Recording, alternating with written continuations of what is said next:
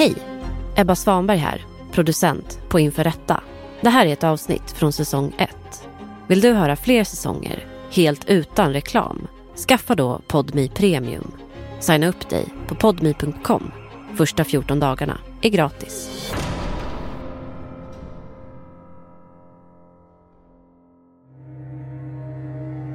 Du lyssnar på Inför Rätta om kungen och prinsen. Det här är del två.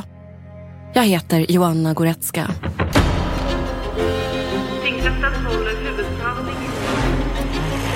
Man hade bestämt en summa på två miljoner. Snudd på overkligt ska jag säga. Alltså jag kommer få betala ett eh, högt pris av det här. Alltså det är så det funkar i mordbranschen. Jag har inte vetat eller förstått innan den här rättegången om det eventuellt har funnits några konflikter. Jag har inte beslutat att eh, eh, någon ska mördas.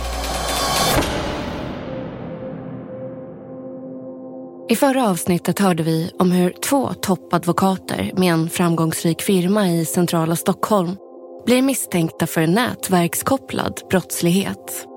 2022 åtalas de för flera brott. Bland annat medhjälp till narkotikabrott och skyddande av brottsling.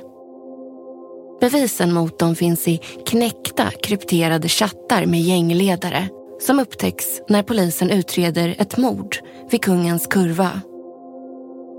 Men i det här avsnittet lämnar vi Kungens Kurva-fallet. Vi kommer att titta på den allvarligaste åtalspunkten en av advokaterna misstänks för förberedelse till mord. För en man ska mördas inne på ett svenskt fängelse. Han kallas Masken. Av gängledare har Masken stämplats för en rad olika mord. Och nu vill man hämnas. Och det är advokaten som kallas Kungen, Ekrem Güngör, som tros vara inblandad i planeringen av mordet.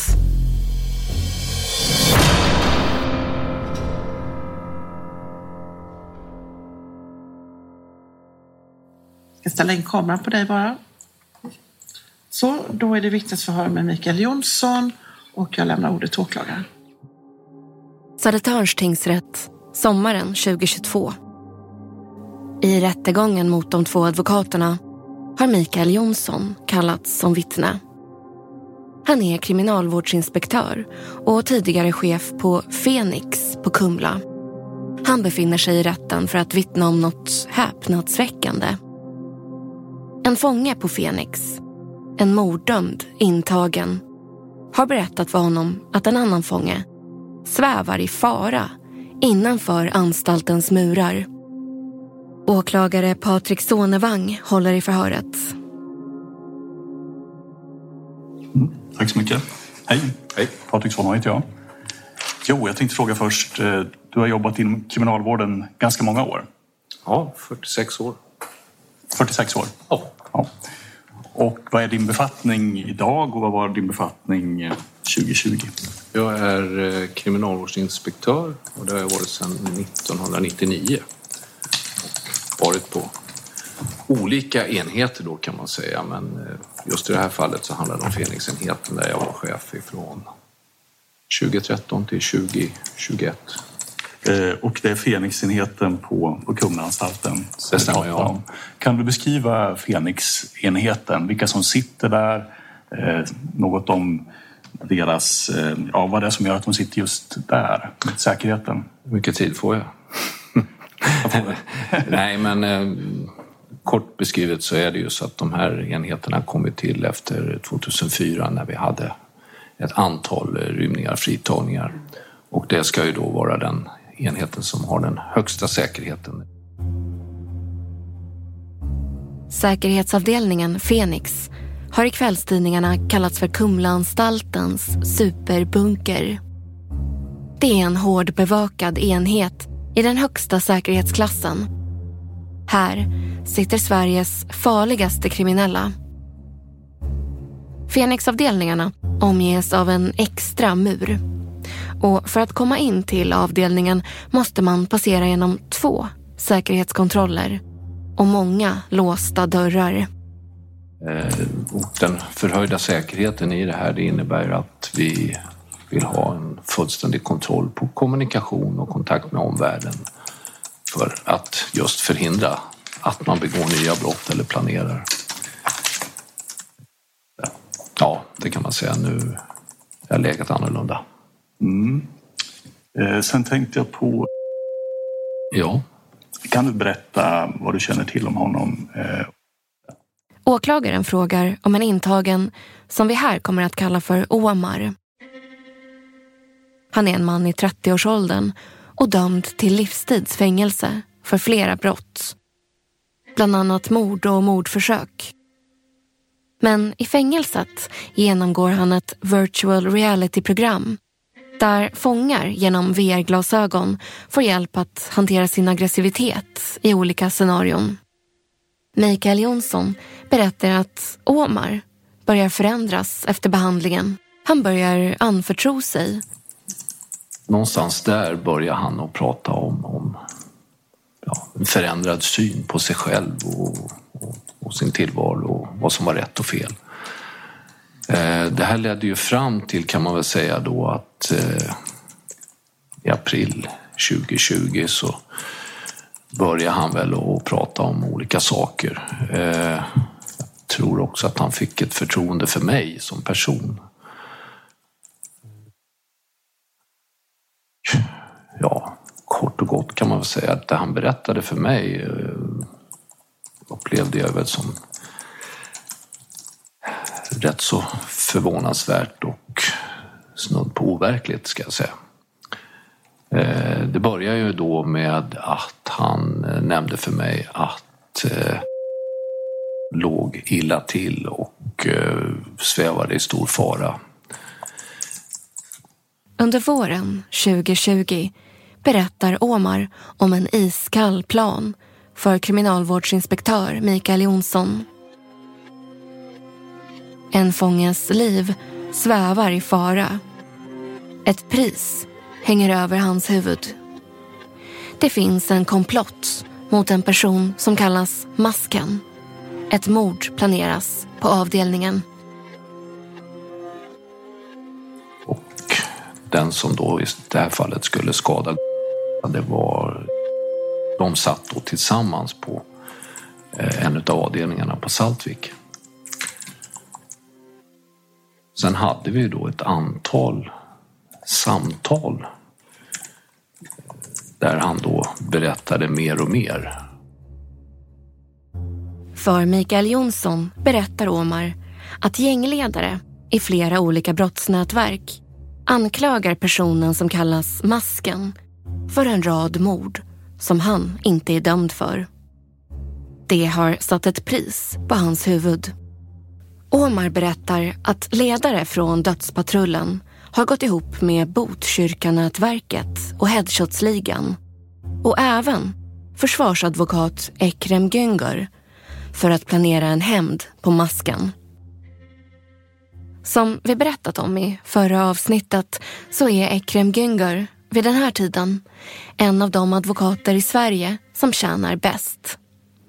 Han är grundare till advokatfirman Devlet Både han och delägaren Amir, som också står åtalad för en rad brott i samma mål, har gjort raketkarriär.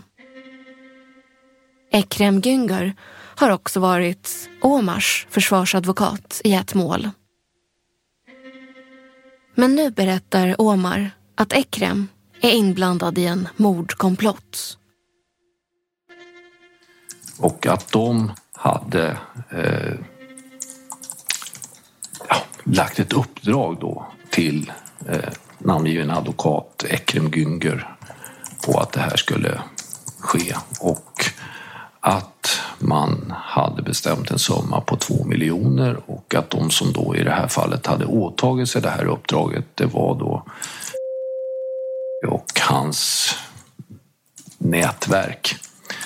Eh, de skulle då ha fått 500 000 i förskott och skälet då, eller anledningen då till att, att tillsammans med skulle vara liksom skälet till att skulle sväva i fara där på, på avdelningen. Då.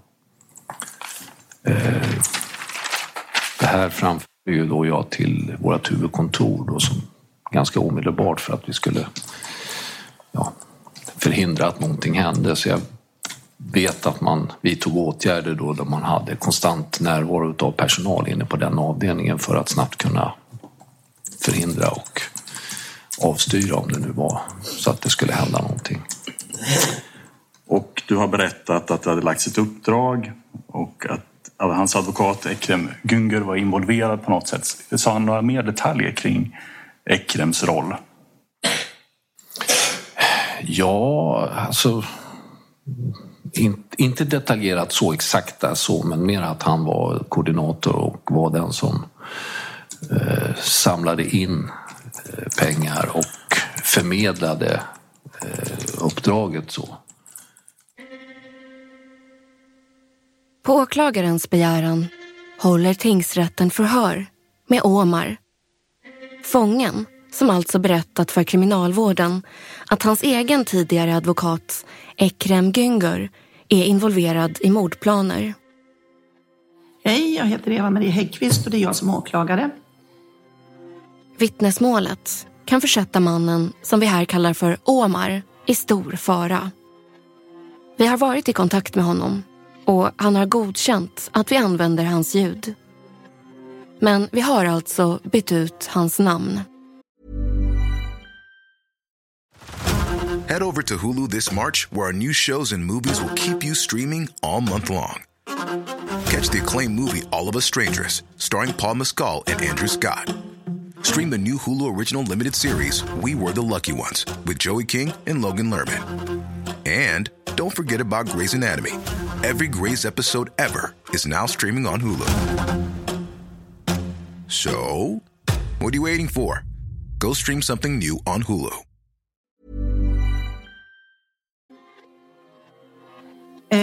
Jag, eh, tänkte, jag tänkte börja med att fråga, hur påverkar det det? Du sa att du hade PTSD. Hur påverkar det dig i sådana här förhörssituationer? Eh, Alltså jag blir väldigt stressad, jag blir helt okoncentrerad och ofokuserad. Så det hade varit eh, perfekt om vi kunde stänga av kameran för då hade det blivit eh, mindre press och stress för mig. Men, men det är för att du blir okoncentrerad och ofokuserad med kameran? Ja. Men, men om vi tar det långsamt här och försöker ta, ta det så gott det går här. Okej. Ja, det här är, anledningen att vi hör dig är ju för att den 24 april 2020 så eh, skrevs en anteckning på kriminalvården. Stämmer. Ja, när du satt på Fenixavdelningen på Kumla. Ja. Eh, då hade du berättat saker för kriminalvårdare som de hade antecknat. Det stämmer. Och eh, eh, när polisen var då, eh, vi, vi, ganska tidigt i utredningen så försökte polisen komma och förhöra dig. Och då var du inte riktigt villig att medverka vid förhör. Kommer du ihåg det här? Eh, ja. Ja. Vad, vad, vad var anledningen att du inte då riktigt ville medverka till vid förhör? Eh, alltså för det, alltså där kommer du... Eh, alltså jag kommer få betala eh, högt pris på grund av det här. Det var... Ja, Men det, du menar att eftersom du sitter och avtjänar så kommer du att betala ett högt pris för att du pratar? Är det så? ja. Ja. Eh, sen så vet jag att det har varit lite turer och man har haft kontakt med dig och du bland annat så ville du komma bort från den avdelning du satt och frågade om polisen kunde hjälpa dig.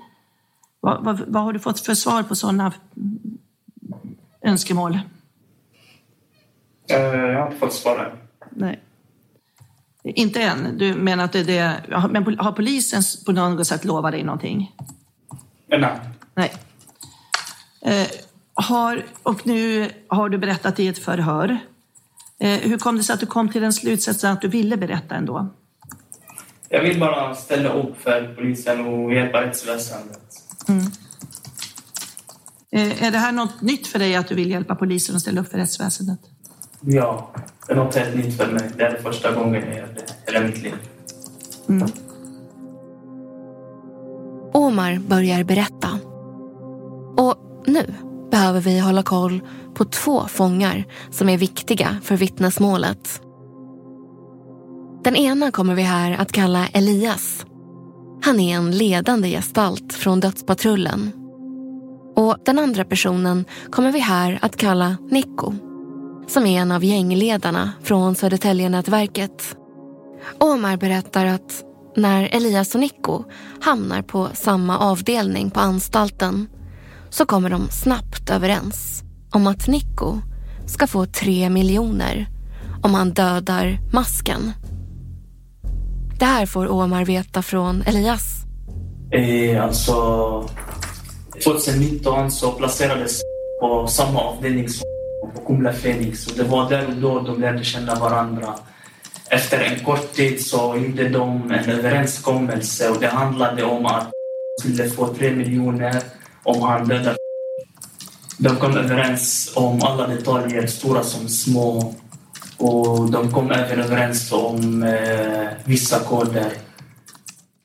Efter ett tag placeras Nico på samma avdelning som Masken.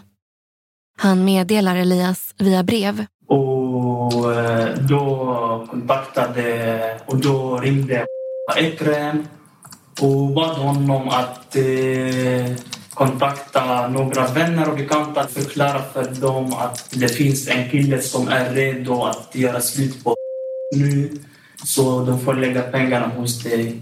Han som vi kallar Elias, en ledande gestalt inom dödspatrullen, kontaktar alltså Ekrem Güngör och ber honom meddela flera gängledare att det finns en person som är redo att döda masken. Advokatsamtal övervakas inte på samma sätt som annan kontakt inne på Fenix. Det berättar kriminalinspektör Mikael Jonsson i förhör med Patrik Sonevang. Eh, sen en liten allmän fråga om hur det funkar med telefontillstånd och liknande på Fenixanstalten. Kan du berätta om det? Hur funkar det när man, en intagen vill, vill ringa till någon utomstående, mm. Eh, alternativt också man, advokat om man vill kontakta ja, sin advokat? Man ansöker ju då om, om, om telefontillstånd och eh, vi då tar in ett samtycke och enligt våra regler så är det endast närstående man får tillstånd att Eh, ringa till och man får ringa fyra samtal eh, avlyssnade ah, a 20 minuter i veckan då. Och eh, samma sak besök är ju bara kontrollerade bevakade besök. Och de kan ske på två olika sätt, antingen via en glasruta och telefonlur. Eller alternativt eh, utan kontakt med eh, två personal närvarande i rummet. Mm. Och hur är det med... Nej, advokatsamtal, ja. där är det ju lite annorlunda. De avlyssnas ju inte eh, och är ju inte kontrollerade på det sättet utan eh, det får man ansöka om och vi brukar, eller brukar, vi frågar alltid om pågående ärende. Det ska ju vara ett pågående ärende då. Eh, sen kan det variera då. Ibland så kan man få ett samtal och ibland kan man få flera samtal och ibland kan man få samtal över en viss tid. Eh, nu kommer inte jag ihåg exakt hur, hur, hur det var med, med de här eh, personerna som vi nämner här. Det, det och har rutinerna förändrats på något sätt från 2020 till Nej. jämfört med idag? Nej. Det är samma. Nej, det är samma rutin. Tillbaka till förhöret med Omar. Enligt honom ska Ekrem nu samla in mordpengarna från de olika nätverken. Eh, Ekrem gjorde det jag bad honom om. Och, eh, och när eh, pengarna var insamlade hos Ekrem så skrev brev till eh, där han skrev bland annat journalisten kontaktade mig och han vill intervjua mig. Och det betyder, det betydde ett klartecken, alltså ett grönt ljus. Sätt igång med uppdraget och, ja, och döda. Journalisten kontaktade mig och vill intervjua mig. Så låter Elias klartecken till Nico. En kod. Nu kan mordet genomföras. Omar säger att han är med när brevet skrivs och det är hans intagningsnummer som antecknats på brevet för att misstankar inte ska riktas mot Elias. Mm. Mm. Eh, du säger att eh, var det under hösten 2019 som de hade kommit överens om det här med att de skulle mörda? Ja, när de satt tillsammans. De satt tillsammans i ungefär sex månader också. Mm. Och eh, hur mycket sa du att de skulle få? Han skulle få tre miljoner om han dödade. Mm. Fanns det någon annan överenskommelse om att han skulle få mindre eller mer? Eller? Exakt. Alltså det är så det funkar i målbranschen. Alltså om eh, måltavlan dör så får man alltså hela priset men om måltavlan eh, överlever så får man eh, alltså halva priset, 50 procent. Så han skulle få, ifall han skulle överleva så skulle han få en och en halv miljon. Mm. Eh, vad, vem skulle betala de här pengarna då? Alltså det är från olika personer som, hade, som har ledande roller i olika gäng. Som har lagt pengar på huvudet. Mm. Har du någon uppfattning om varför man ville döda just Eh, alltså, alltså han, han var och är fortfarande ett hot, ett hot mot dem. Masken anses vara kopplad till en rad ouppklarade mord i Stockholms undre värld. Han är allmänt betraktad som en farlig torped och ett stort hot. Eh, du sa att det ringde till Ekrem. Eva-Marie Häggkvist frågar nu Omar om det var så att Elias ringde Ekrem Gungur under planeringens gång. Ja, det stämmer. Ekrem, har du något efternamn? Eh, Gungur. Gungur, ja. Eh, vad, vad hade för relation till Ekrem? Ekrem var hans advokat och var Mm. Som ni hört tidigare så är Ekrem Günger alltså Omars tidigare advokat. Han är också Elias advokat. Och enligt Omar så är det via Ekrem som Elias sköter kontakten med andra gängledare som vill se masken död. Eh, och vad skulle de ha kommit överens om? att jag så ringde honom och bad honom att eh, kontakta vissa eller några bekanta och vänner förklara för dem att eh, det finns eh, en kille som är redo att eh, döda så de får lägga pengarna hos Ekrem. Vet du om det kom några pengar till Ekrem? Ja. Mm. Eh, ja, pengarna var insamlade hos Ekrem. ja. Fanns det någon anledning att just pengarna skulle ligga hos Ekrem? Alltså det är så det funkar. Alltså, folk, eh, när det gäller sådana saker så folk lägger pengar hos eh, en som eh, båda sidorna litar på. Mm. Och har du någon uppfattning om hur mycket som samlades in? Alltså, jag skulle egentligen få 3 miljoner. Men egentligen alltså, det var 5 miljoner som var insamlade. Var det fem miljoner som var insamlade? Ja. Ja, men du bara få tre miljoner? ja. Han visste inte att det var 5 miljoner. Han trodde att det var bara 3 miljoner som var insamlade. Okej, Vem skulle ta de andra pengarna då? Vet du? Eh, Människor från olika nätverk som vill se masken död har alltså samlat in 5 miljoner enligt Omar. 3 miljoner till Nico och 2 miljoner till Elias. Enligt utredningen finns inte tillräckligt med bevis för att insamling av pengarna har slutförts eller ens påbörjats.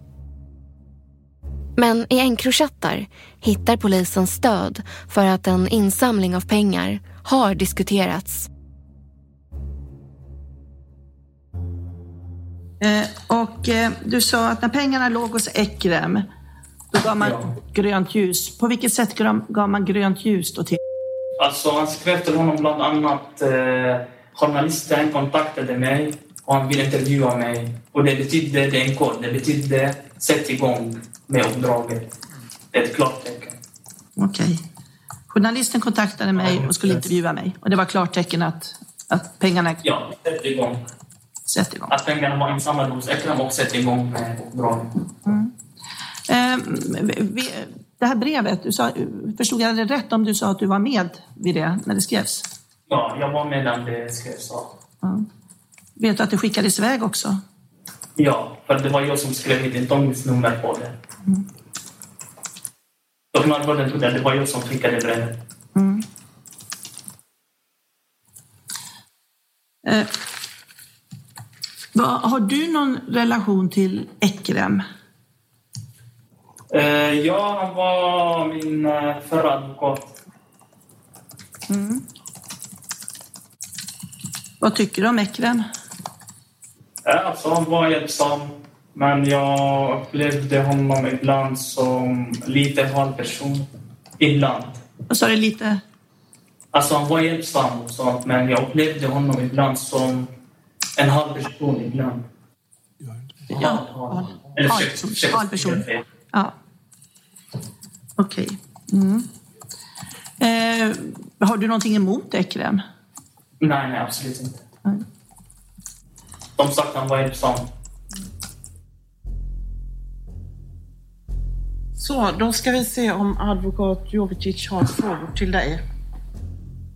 Nu är det Slobodan Jovicics tur att förhöra Omar. Han är Ekrem Güngers försvarsadvokat. Han vill ta reda på vad Omar har för motiv med sitt vittnesmål. Så, varsågod. Hej. Hej. Vi har ju inte träffats och jag har inte hört talas om dig innan det här målet. Men du förstår ju min roll och att jag försvarar Ekrem och att jag måste ju ställa mina försvarsfrågor, eller hur? Ja. Ja. Och då tänkte jag fråga, i och med att jag inte vet så mycket om dig, kan du berätta... Du sitter, du sitter på anstalt. ja. Vad är det du är dömd för? Eh, mord, mordförsök, eh, grovt rån och framkallande av annan. Mord, mordförsök, grovt rån och framföra, framkallande av fara för annan. Det stämmer.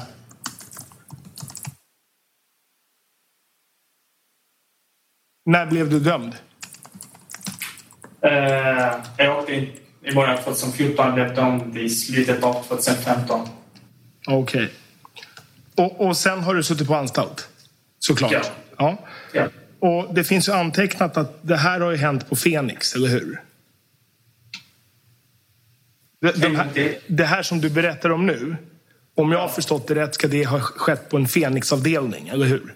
Det stämmer. Ja. När du först blev dömd, blev du placerad på Fenix från början? Nej, först så satt jag på Fenixhäktet, sen så hamnade jag på riksmottagningen och satt på normala avdelningar. Sen så hamnade jag på Fenix. Ja. Får jag fråga utan att vara oförskämd, hur hamnade du på Fenix? Jag hamnade på Fenix på grund av eh, våldsincidenter. Att jag var våldsam mot mina medintagna. Ja. Blev någon av de här incidenterna föremål för någon polisanmälan? Ja, Och, och blev det rättegång? Ja, Ble- Blev du dömd? ja. Ja. Och sen tänkte jag fråga dig, när du blev dömd för mord första gången, var, Ek, Ja. var Ekrem din advokat då? Nej, Nej. Utan han blev din advokat under tiden som du satt på anstalt? det stämmer. Ja. Och varför blev han det? Varför valde du just honom? För jag hörde att han var hjälpsam. Han hjälpte folk att skicka ut eh, meddelande och så, sådana saker. Okej. Ja, Så det var det som gjorde att du ville ha en sån advokat också? ja. Okej. Och är det bra att ha en sån advokat? Är bra, bra. Ja, okej. Och därefter så går vi vidare till den här situationen att eh, om jag har förstått det rätt så du har suttit mindre än tio år, eller hur? Ja, snart nio år. Ja. Vad händer när man har suttit tio år om man är livstidigt dömd? Alltså, men vad har, det, vad har den här frågan med det här målet att göra? Du vet redan allt det där. Du vet att man efter tio år så får man ansöka om tidsbestämt. Ja. Som sagt, alltså, jag lider av PTSD och att det, försöka besvara en massa frågor blir jag för stressad av. Det känns som det försöker till bara stressa upp mig. Ställer frågor som har ingenting med det här målet att göra. Jag kommer att framhärda med mina frågor. Ja, men frågorna är tidsbestämt. Du vet själv ju. För det är på det sättet att om tio år när man är livstidsdömd då kan man söka till omvandling, eller hur? Ja, exakt. Mm. Utifrån vad du har beskrivit om hur du har haft det på anstalt. Hur bedömer du att dina chanser är att få omvandlat? Ja, alltså, sen, sen, jag, sen jag hamnade på Felix så förändrades jag helt. Alltså, jag fick chansen att genomgå två antiaggressionprogram. Jag har jobbat med mig själv riktigt bra och ja, har fått mig riktigt bra. Okej. Fortsätta med det. Så, så att sen du började på Fenix har du börjat gå på program och har jag förstått det rätt att, att din ambition är nu att du ska visa en skötsamhet som kommer att hjäl hjälpa dig att söka och få omvandling, eller hur? Exakt. Chattloggar som visas i rätten. Knäckta krypterade chattar med gängledare. Stärker Omars berättelse. Aliaset Literal Beetle, som enligt åtalet används av Ekrem Güngör, chattar om att masken är klar. Och om olika personer som ska betala en kanin. Vilket betyder en miljon. Men chattarna vill Ekrem Güngör inte bemöta i rätten när han ska höras. Ekrem säger att han aldrig har hört talas om masken. Än mindre beslutat att han ska dödas. Så, då är det förhör med Ekrem Güngör. Nu har du hört vad åklagaren har påstått under den här åtalspunkten 2. Så att om du kan berätta. Ja, men absolut. Jag, jag ska eh, göra så gott jag kan, men eh, som jag sa igår eh, till, till er eh, så har jag haft tillgång till en Encro-telefon. Och eh, som jag sa också igår, det är att jag har eh, varit en av flera användare av den här Encro-telefonen, Literal Beetle. Eh, jag kommer eh, idag inte att bemöta några chattar överhuvudtaget och jag hade eh, bestämt mig eh, det först i tisdags när jag fick besked av, av polisen om vad min familj hade blivit utsatt för. Eh, och det var det som egentligen gjorde att jag bestämde mig för att inte kommentera chattarna överhuvudtaget. Och jag vill ändå lyfta upp det redan nu att det inte ska tolkas på något sätt att det är jag som har skrivit de här chattarna och det ska inte heller tolkas det som att jag eh, säger att det är någon annan som har skrivit de här chattarna. Utan det jag vill säga är egentligen att det finns en förklaring. Eh, utöver det så har jag ingen eh, vilja eller, eh, överhuvudtaget att bemöta de här chattarna. Mer än så vill Ekrem Güngör inte säga om innehållet i chattarna. Förhöret handlar vidare om Encrotelefonen och de smeknamn som gängmedlemmar ska ha använt för att referera till Ekrem och advokatfirmans delägare Amir Ramdoni. Han som kallas Prinsen och också är åtalad för flera brott. Och masken är ju första gången jag har hört talas om eh, de namnen. Jag har inget otalt med jag har inte vetat eller förstått innan den här rättegången om det eventuellt har funnits några konflikter eh, eftersom jag inte vet vem den här eh, människan är. Jag har inte beslutat att eh, någon människa ska överhuvudtaget, låt vara att i det här målet jag är åtalad för delaktighet i det här, eh, beslutat att någon ska mördas. Eh, jag har inte heller sökt att någon annan ska anstiftas eh, som åklagaren har påstått i, i sin gärningsbeskrivning. Och jag har inte heller stärkt någon annan i deras uppsåt att, att förbereda det här. Du säger att du inte vill prata någonting om chattarna, men det, är det något du känner igen? Det här? Jag menar, du, Jag vill, det, inte vi vet att den, jag vill inte kommentera någonting. Ingenting? Ingenting om chattarna överhuvudtaget. Det, det, men, men om jag frågar dig, vad, vad betyder en kanin då? Det, är- Alltså, om, om du frågar mig, det det har jag svarat på i polisförhör också, första polisförhöret. Alltså, en kanin vet jag sedan tidigare, även före april 2020, att det betyder en miljon. mm. Ja. Ja, nej, jag, jag vet inte om det är någon idé att jag frågar, eh, tjatar om chatt, chattarna när det inte finns någonting. Um, Encronotes. Encronotes är en anteckningsfunktion i den krypterade tjänsten. Låsta anteckningar hade ingen aning om det. Som jag sa igår också, eh, jag hade inte haft den här Encrotelefonen under väldigt lång tid utan väldigt kort tid. Och det här med Encronotes och, och, och, och lägga till eh, kontakter. Alltså, det var knappt det jag visste vad, hur man gjorde. Eh, Encronotes hade inga kunskaper om överhuvudtaget vad, vad det innebar. Are you ready to enhance your future in tech? Then it's time to make your move to the UK.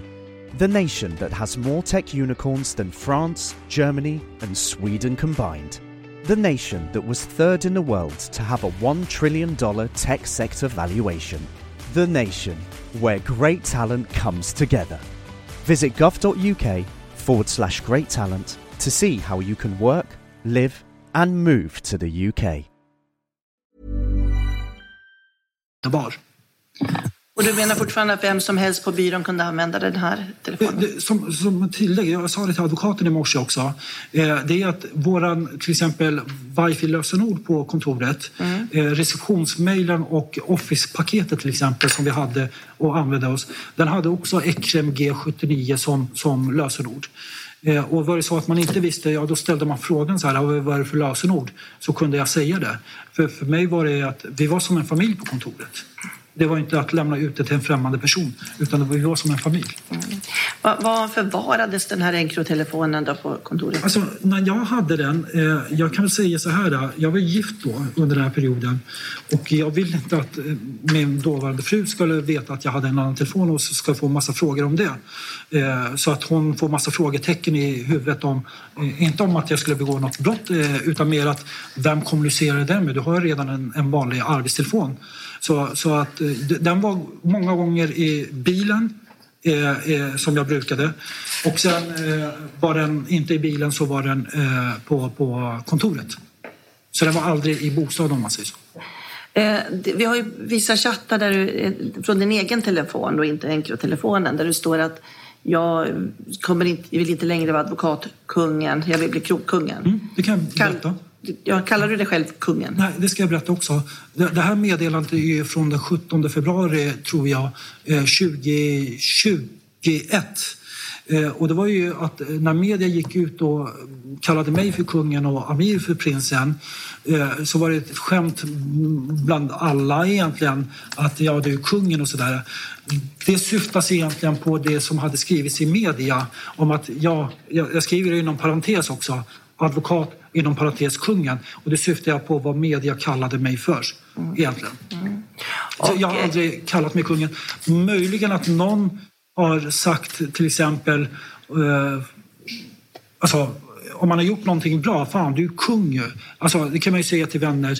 Jag har till exempel en chattgrupp, det kan ni kolla också i Whatsappgruppen. Jag och två vänner, alltså vi är tre stycken i den där chattgruppen där vi har skrivit kungarna. Eh, det vill säga att vi tre är kungar. Eh, men det, det, det har aldrig jag eller någon hos mig kallat mig för kung i, i de här sammanhangen. Har du någon uppfattning om vem som kallar sig kungen på Encrochatten? Ja, jag vill inte kommentera det. Nej. Eh, sen finns det också då ett, ett meddelande där du skriver hälsa från mig och prinsen. Ja, Ja, vem, vem, menar du prinsen då? Det första tanken, jag vet inte vem jag har skrivit till. Mm. Eh, och den var ju långt innan från, från eh, långt innan, jag tror att det var 2019 det meddelandet fanns. Eh, jag vet inte vem jag har skrivit till och vem jag syftar på. Det enda jag kan säga det är att eh, man, man har Eh, kallat min yngste son för prinsen. Och jag vet inte vem det där telefonnumret är. Jag ser att det är 070759. Men jag vet inte vad det syftas på, om det är min son eller om det är någon annan. Jag har ingen aning, jag kan inte svara på det. Nej, Nej vi har ingen mer. Om du inte vill säga någonting och chatta eller inte tänker kommentera någonting? Nej, jag tror att jag har fått med det jag ville ha sagt. Ja. Åklagaren har fler frågor? Ja, en fråga till. Eh, M, vet du vem M är i chattarna? Eh, återigen, jag vill inte bemöta chattarna överhuvudtaget. Nej tack, då hänger vi. Mm, advokatens frågor? Nej tack. Då är förhöret avslutat. Enligt Omar har pengar samlats in och meddelanden har utväxlats. På Omars avdelning sitter fångarna framför tvn och väntar på att nyheten om mordet på masken ska komma. Men nyheten kommer aldrig. Masken blir inte dödad. Mordet blir inte av. Elias är rasande, berättar Omar i förhör. Och folk på utsidan eh, blev misstänksamma i vad är det som händer och eh, vad väntar han på? undrade de. Ja, det var och sa eh, den, eh, ja, den mytomanen fick mig att tappa ansiktet inför folk på utsidan. Ja.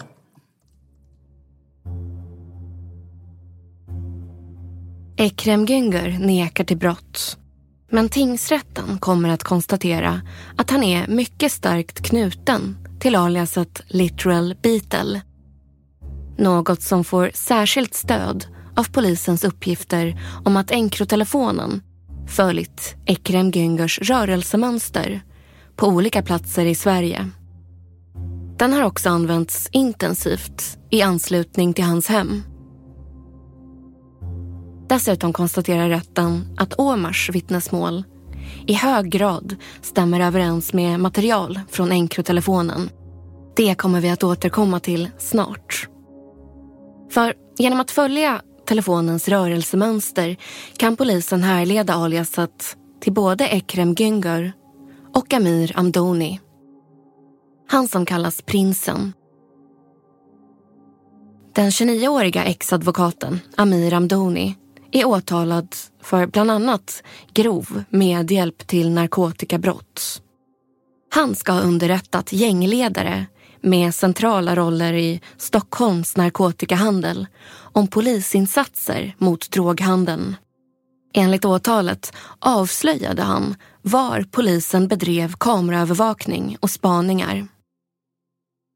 Det var vid en häktningsförhandling med en klient som Amir Amdoni fick information om spaningarna. Men i förhör nekar han till att ha skrivit de varnande chattarna. Då är det förhör med Amir Abdoni. Jag lämnar över till åklagarna. Eh, ja, kan du berätta om, om det här? Vad, vad eh, känner du till om den här chatten? Jag har inte skrivit den. Jag har inte skrivit den. Nej. I förhör antyder han att någon annan på byrån kan ha skrivit chattarna eftersom protokollet från häktningsförhandlingen som vi nämnde, där den hemliga informationen fanns, kom till receptionsmejlen på firman. Eh, och du närvarade på häktningsförhandlingen om jag förstått det rätt, av papperna? Och dessförinnan så skickades häktesprotokollet till receptionsmejlen som både jag och Ekrem och sekreteraren har tillgång till. Eh, receptionsmejlen? Ja. Och då var det du, Ekrem och sekreteraren som har tillgång till det här? Precis. Och andra advokater som har tillgång till, till datorn som finns i receptionen. För alla hade tillgång till det lösenordet så man kunde bara gå dit och öppna den mejlen också. Så hela byrån hade tillgång till den här? Om man hade gått till datorn som fanns uppställd i receptionen, ja. Mm. Är det brukligt att man skickar det så till, till alla? Alltså någon måste ju ta emot det här. Det går till... att det är sekreteraren som tar emot det då i så fall? Ja, om hon sitter vid datorn. Den skickas ju till infomailen. Ja. i receptionen.devlet.se. Mm.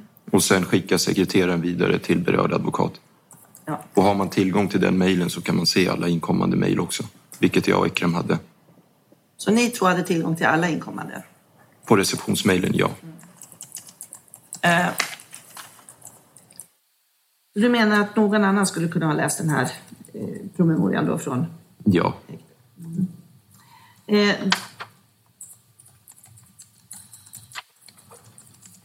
och du vet ingenting om den här chatten? Jag har inte skrivit den, nej. Längre än så kommer vi inte. De vägrar prata. Och sen så kommer domen. Två före detta advokater som gått under smeknamnen Kungen och Prinsen dömdes idag till sex respektive fyra års fängelse av Södertörns tingsrätt. De dömdes för flera brott som har koppling till gängkriminella och som de ska ha gjort sig skyldiga till när de var verksamma som advokater. Den 12 juli 2022 döms Ekrem Güngör och Amir Amdoni till långa fängelsestraff. I tingsrätten får Ekrem Güngör sex års fängelse för förberedelse till mord på mannen som kallas Masken. Amir Amdoni döms till fyra års fängelse för brott mot yppandeförbud i Kungens kurva-fallet och för medhjälp till grovt narkotikabrott. Den 10 oktober fastställer Svea hovrätt fängelsestraffen. Men hovrätten dömer Ekrem Güngör för medhjälp till stämpling till mord istället för förberedelse till mord. Stämpling kan man dömas för om man i samråd med någon annan beslutar om att begå ett brott. Stämpling till mord kan man bara dömas för om mordet inte genomförts.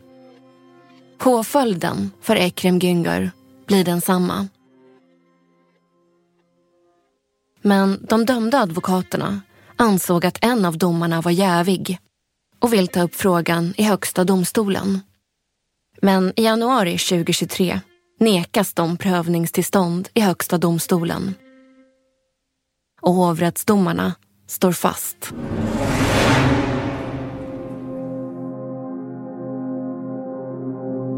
Du har hört Inför rätta om kungen och prinsen. Och det här var andra och sista delen.